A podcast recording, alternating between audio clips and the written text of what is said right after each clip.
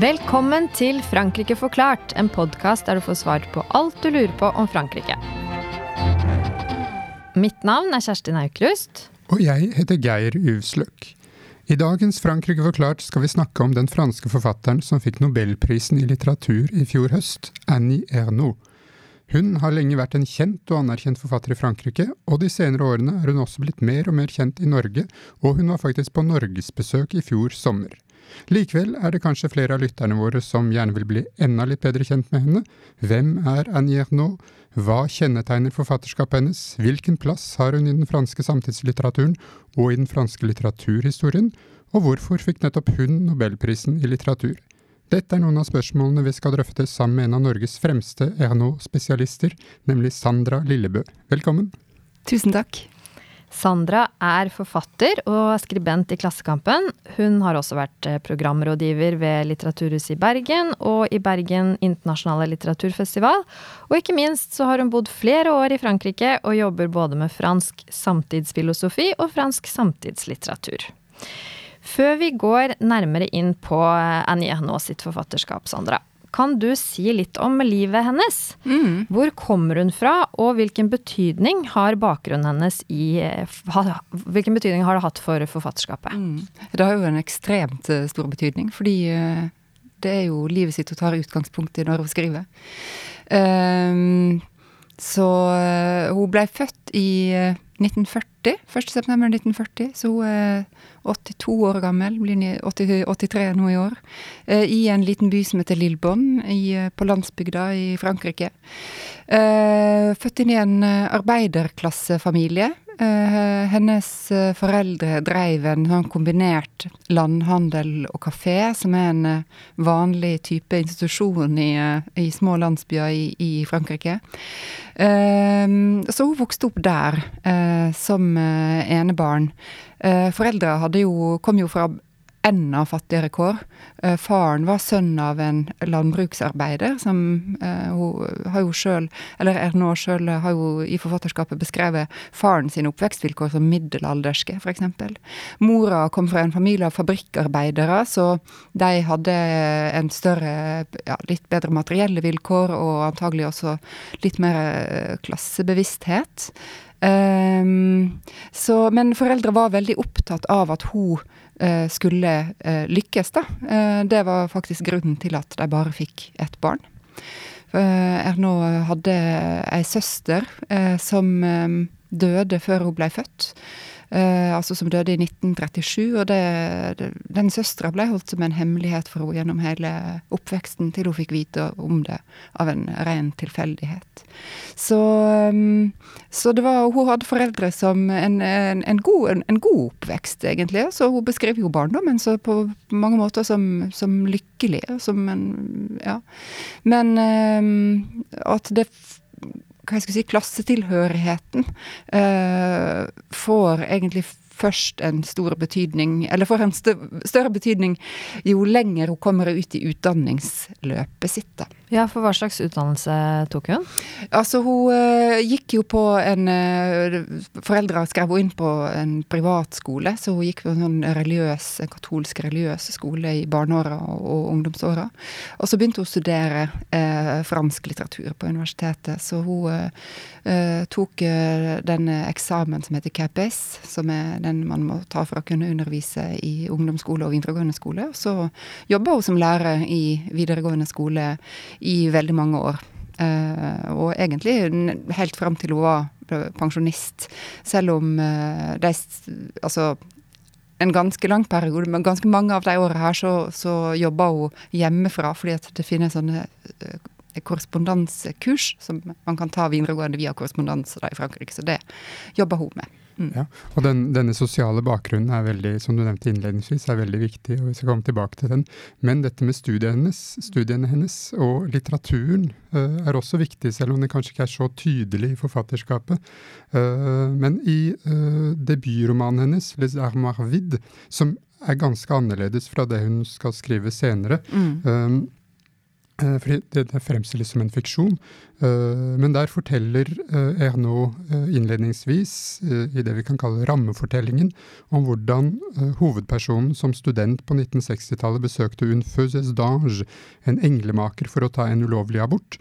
Og da sier fortelleren at ingen av forfatterne på pensum, og hun nevner da klassikere som Victor Hugo bl.a., hadde noe å si om hennes situasjon, om hvordan hun føler seg.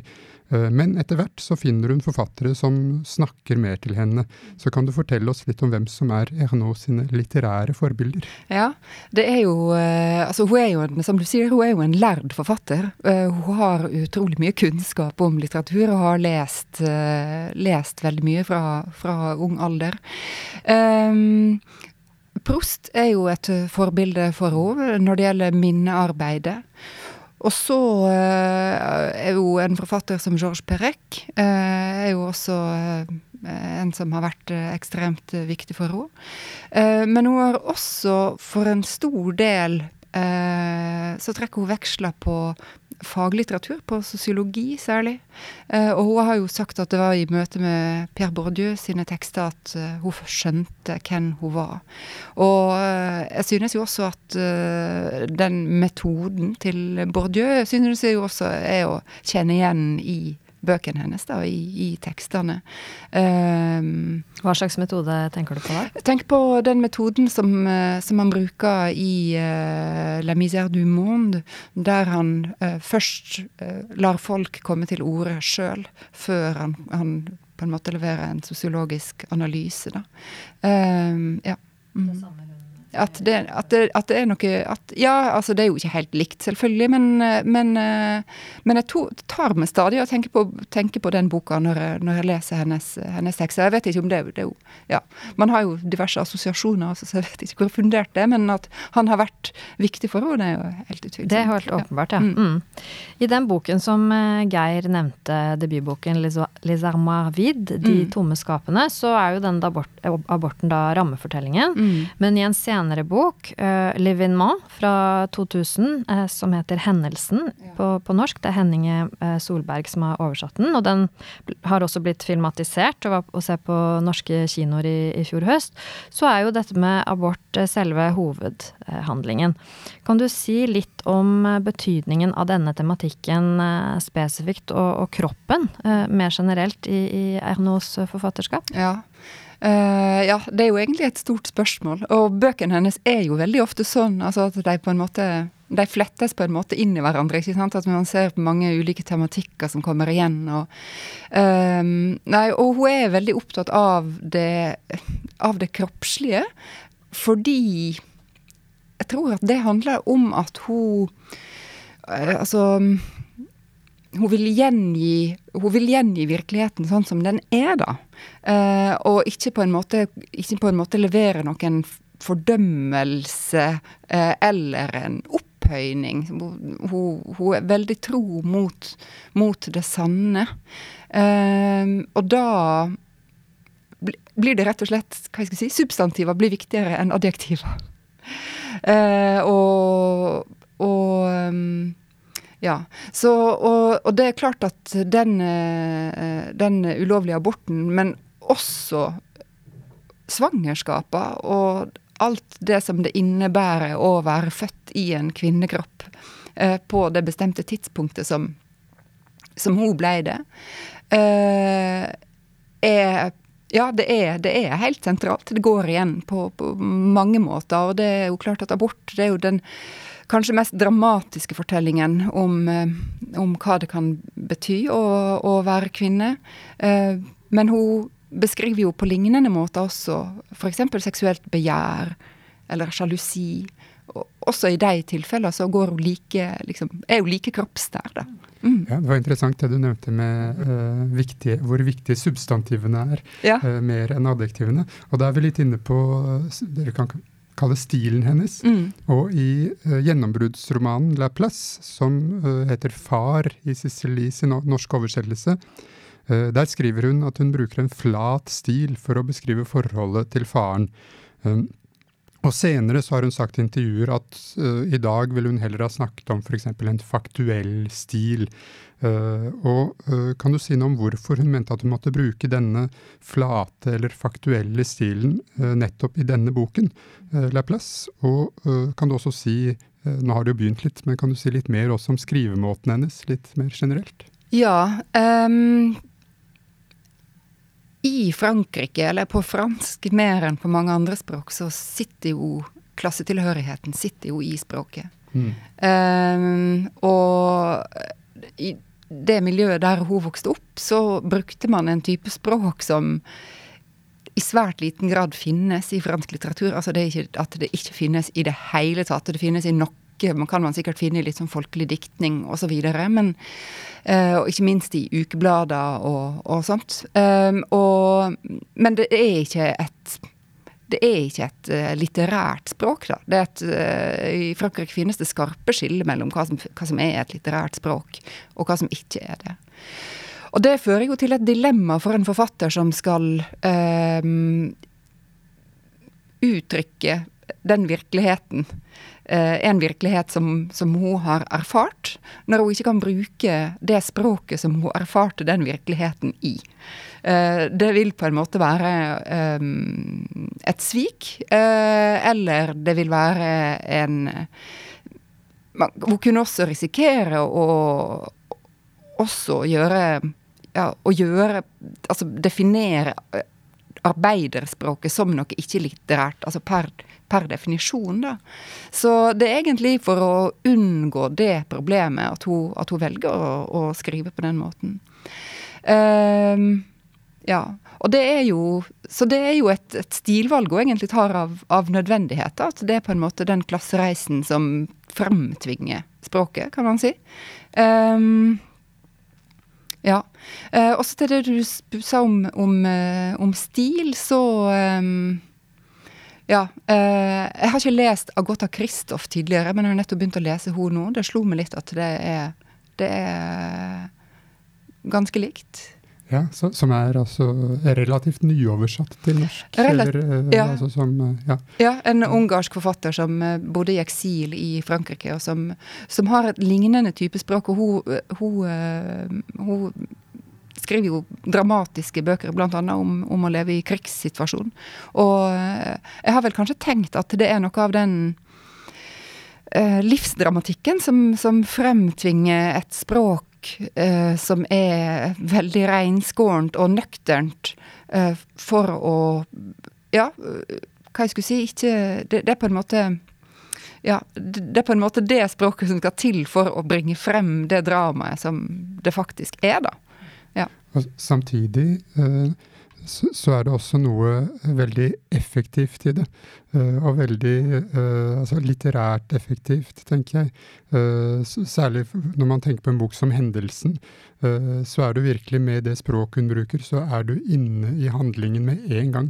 Det er virkelig, det er helt imponerende hvordan hun liksom får leseren til å være Og hun skriver jo korte bøker, uh, men leseren er virkelig inne i boken i løpet av noen få linjer. Ja, ja. Uh, ja hun sier jo det at hun bruker skrifta som kniv. Uh, som skal på en måte det, Alle setningene skal skjæres ned til beinet. så det skal ikke være noe overflødig der. Så det gjør jo at de er veldig korte også. Det er veldig mange av bøkene hennes. Godt bilde, det med kniven. Eh, romanen Lizanie, eller eh, Årene på, på, norsk, da, igjen oversatt av eh, Henninge Solberg, beskrives av mange som hennes viktigste bok. Eh, hvorfor gjør den det, og, hva handler denne boka om? Mm. Uh, ja, hun har jo kalt det en upersonlig uh, sjølbiografi. Så uh, hun skriver igjen med utgangspunkt i sitt eget liv, og det er mange, det er mange scener og bilder i den boka som folk som er fortrolig med forfatterskapet hennes, vil kjenne igjen fra andre bøker. Um, men den åpner da i 1945, uh, eh, ved krigens slutt, og så går den frem til 2007, det året Sarkozy kommer til makta uh, i Frankrike. Uh, så det er en um, Det er en roman som er et minnearbeid. Um, det er en roman som forteller historien om etterkrigstidas Frankrike, egentlig, fra et, et kvinneperspektiv. Og et grep som hun tar som er, er veldig eh, Eller temmelig originalt, det er at hun bruker en, en uh, vi-form. Hun skriver ikke 'jeg', hun skriver 'vi'. Um, og ja. Så, men det er jo alltid med hennes egne erfaringer eh, som, ligger, som på en måte ja, ligger til bunn, da. Men, eh, men, det er en um, Det er vel kanskje fordi den er så Den, den, um, den er så altomfattende. Uh, og det er vel kanskje derfor at det omtales som et, et hovedverk. Det er jo også en bok hvor hun bruker bilder som inspirasjonskilder. Ja. Eller hvor hun begynner i bilder. Kan du si litt om det? Ja, um, ja hun er jo veldig opptatt av, av, bilder. Hun har jo også gitt ut ei bok uh, som heter 'L'usage de la photo', altså bruken av bilder. Uh, så um, Og det handler jo om at i årene så handler det jo om egentlig erkjennelsen av at, at bilder forsvinner fra bevisstheten. Og at alle de minnene som vi lagrer opp i løpet av et liv, på et eller annet tidspunkt så kommer de ikke til å ha noen betydning lenger. De kommer ikke til å eksistere i det hele tatt. Så det er på en måte en, en protest mot det kontinuerlige tapet som vi går rundt i når vi, når vi, eh, når vi glemmer, eh, når vi glemmer det. Men en annen ting som jeg syns er, er kanskje ekstra påfallende i den romanen her, er jo den viljen hennes til å til å bruke eh, folkelige referanser. Eh, fordi hun der refererer jo til store politiske hendelser, ting som skjer ute i verden. Hun refererer til eh, det helt intime som kan skje i et menneske sitt liv. Eh, men hun refererer jo også til eh, ting som reklamejingler eh, eller pop sanger eller ja, faste uttrykk som man stadig hører når man sitter i sånne store middager, så familiemiddager osv. Så, det er en veldig, eh, på, ja, på alle måter, en, eh, en, veldig rik roman. Men jeg vet ikke om det var svar på spørsmålet ditt, egentlig. Jo, veldig bra. veldig ja. bra. Uh, hun, hun, er jo interessant på veldig mange måter. Det er veldig mange uh, forskjellige trekk ved forfatterskapet hennes som gjør henne nettopp veldig original.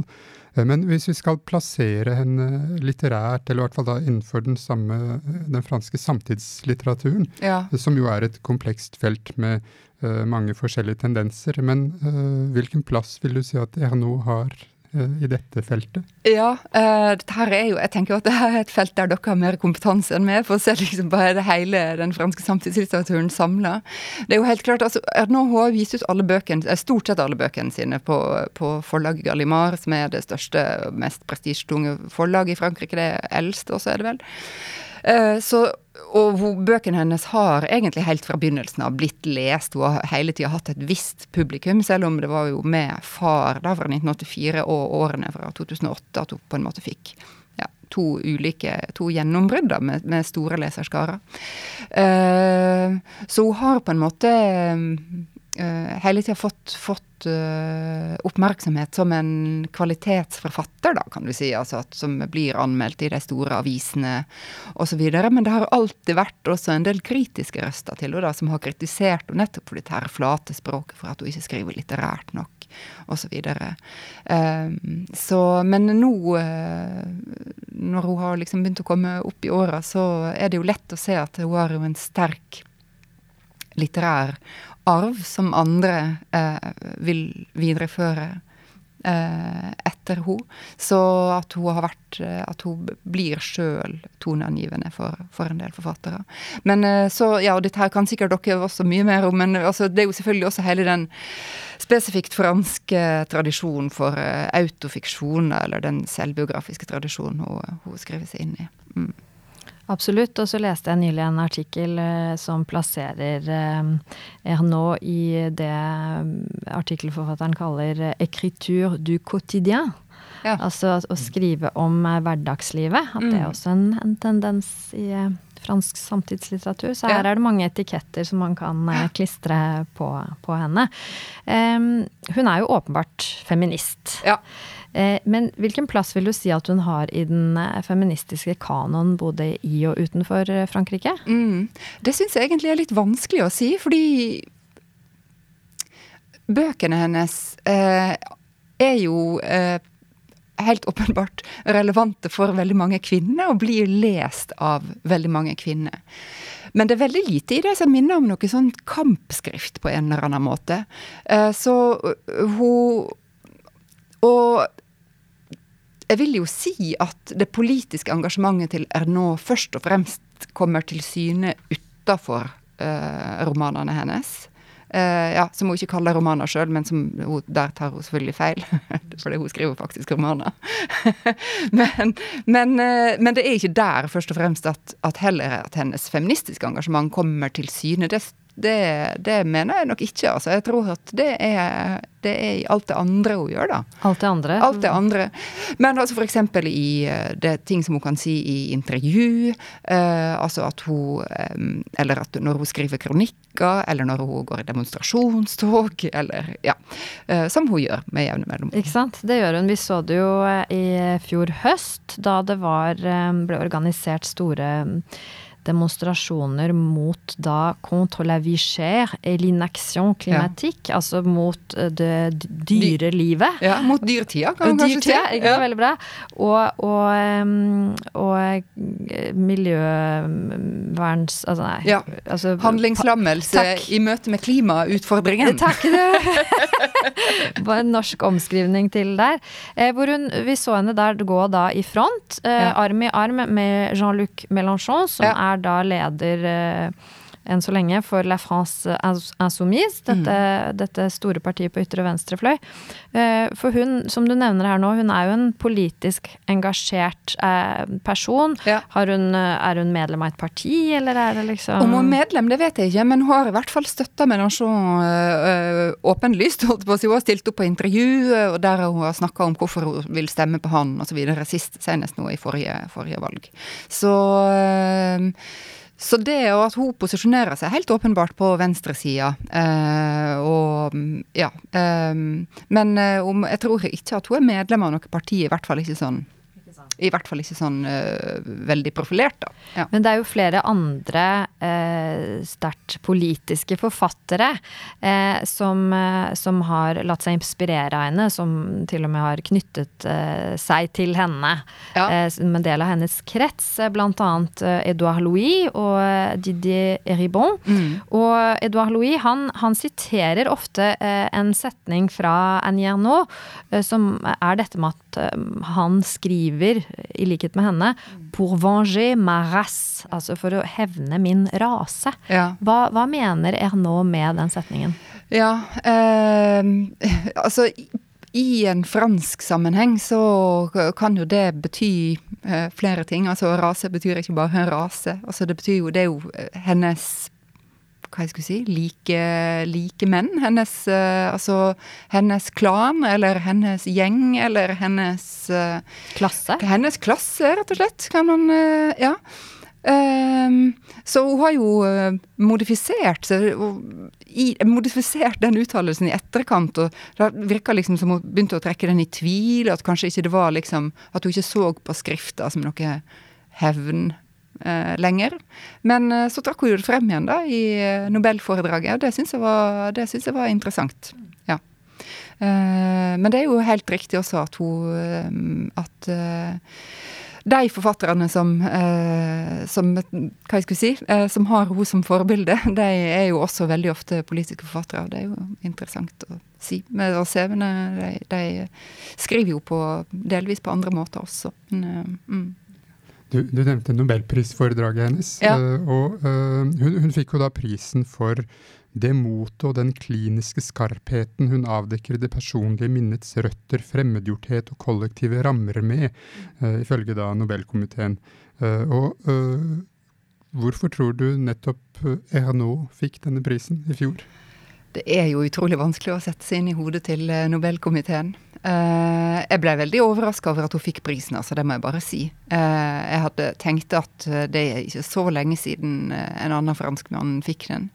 Og franskmenn er jo fra før av i stort flertall flertall blant de nasjonene som har fått nobelprisen i litteratur. Så jeg hadde vel egentlig bare forsona meg med at hun ikke kom til å få den, fordi Luclesio Modiano hadde fått den. ja. Men men nei, hvorfor lander de på ho? Jeg, jeg, jeg, jeg vet ikke helt, altså. Eh, på en måte så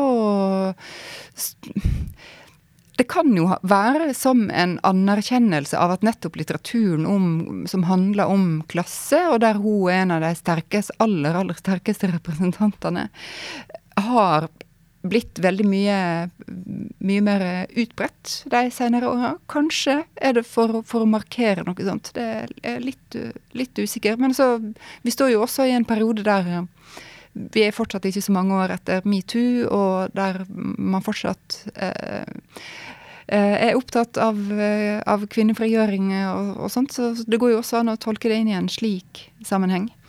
Eh, ja. Absolutt. Um, og så ser vi at det er veldig mange unge lesere som trekkes mot Ernauds forfatterskap, både i Frankrike og Norge. Hva er det ved, ved henne som appellerer til de unge, tror du? Nei, det, det, vet jeg ikke. Korte bøker, kanskje. Man har liksom så dårlig evne til å konsentrere seg, så er det en fordel når boka bare er 70 sider. Og var jo, hun var jo gjest i, i, i Norge i fjor sommer, ja. eh, og da var du eh, den som intervjuet henne i ja. universitetets aula. Det må ha vært en fantastisk opplevelse. Eh, det var jo fullt i randen, så vidt jeg forsto. Ja. Hvorfor tror du hun har slått an så innmari i Norge? Nei, jeg vet ikke. Jeg syns det er litt sånn mystisk, rett og slett. Og, men jeg synes jo at det det er All den gode litteraturen har jo noe mystisk ved seg på den måten. ikke sant? At, at, det var, tenkte jeg jo fra første gangen jeg begynte å lese nå også, at at jeg syns det var så rart at den litteraturen som handler om en person som Eller ja, som skriver liksom om en, om en person og om en situasjon som ligger så langt unna meg, så likevel så kjennes det jo som om, som om jeg leser om meg sjøl. Og det syns jeg er det syns jeg er fascinerende. Men hun skaper, og hun skaper jo åpenbart den følelsen i veldig mange, da. Også i, også i Norge. Ja. Og det er, jeg har ikke noe godt svar på det, altså. Men, men, men Nei, det må bare rett og slett være fordi hun skriver så bra. Ikke sant. Ja. Rett og slett. Ja. Og, uh, mange som ikke har lest noe av Annie Ernaux før, lurer kanskje nå på hvilken bok de burde begynne med. Uh, så har du et tips om det? har du en favorittbok blant hennes mange utgivelser? Ja, altså Det forandrer seg egentlig litt, da. Dette her med kanskje, Jeg prøvde å tenke på det på vei hit, hva jeg skulle trekke frem som favorittbok. Og Ernaux-leserne det deler seg jo veldig ofte i to klaner. Du har liksom de som liker de korteste bøkene, som f.eks. En lidenskap de som handler på en måte om én ting. Til, en lidenskap som handler om forholdet hennes til en mann.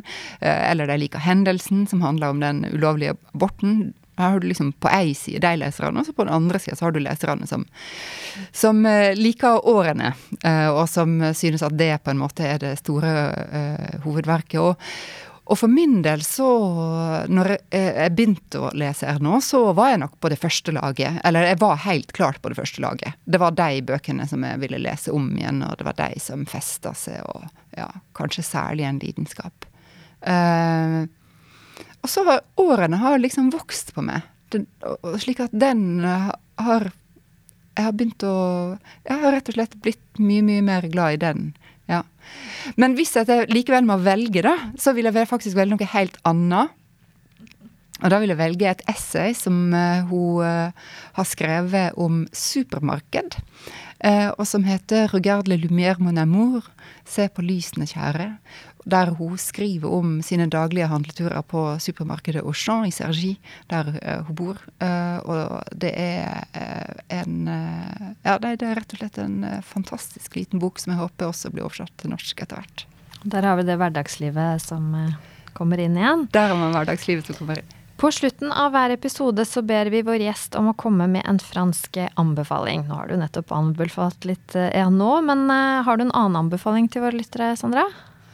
Eh, jeg oppdaga faktisk i går at eh, det, alle i verden har faktisk ikke fått med seg det fantastiske klippet av Jacques Tati, der han etterligner en britisk og en fransk politi.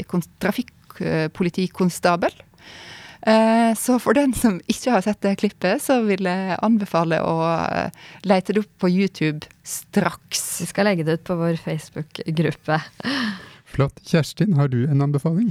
Ja, jeg tenkte at i eh, disse, disse Vichere-dagene, hva var det du kalte det? Dyrtida. Dyrtida. Eh, så vil jeg gjerne anbefale våre lyttere å benytte seg av bibliotekene våre og låne bøker av Annie Ernaux. Eh, for der fins seks stykker som er oversatt til norsk, så vidt jeg kunne se.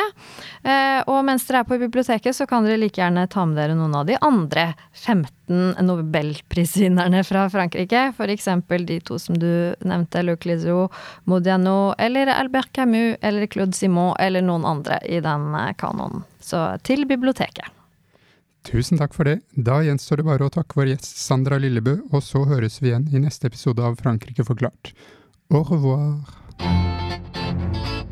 Frankrike forklart er et samarbeid mellom Universitetet i Oslo og Høgskolen i Østfold. Podkasten er støttet av Det norske universitetssenteret i Paris og Institut Francais i Oslo, og har full redaksjonell frihet. Abonner på Frankrike forklart på iTunes, Spotify eller på andre plattformer der du lytter til podkast. Har du kommentarer til oss eller forslag til temaer vi bør ta opp, kan du sende inn det via vår Facebook-side Frankrike forklart. Alle dagens referanser ligger på denne Facebook-siden og på nettsiden vår vi skriver en kronikk i forbindelse med hver episode som belyser dagens tema fra en litt annen vinkel. Kronikken finner dere på forskning.no, Transitmagasin og på nettsiden vår.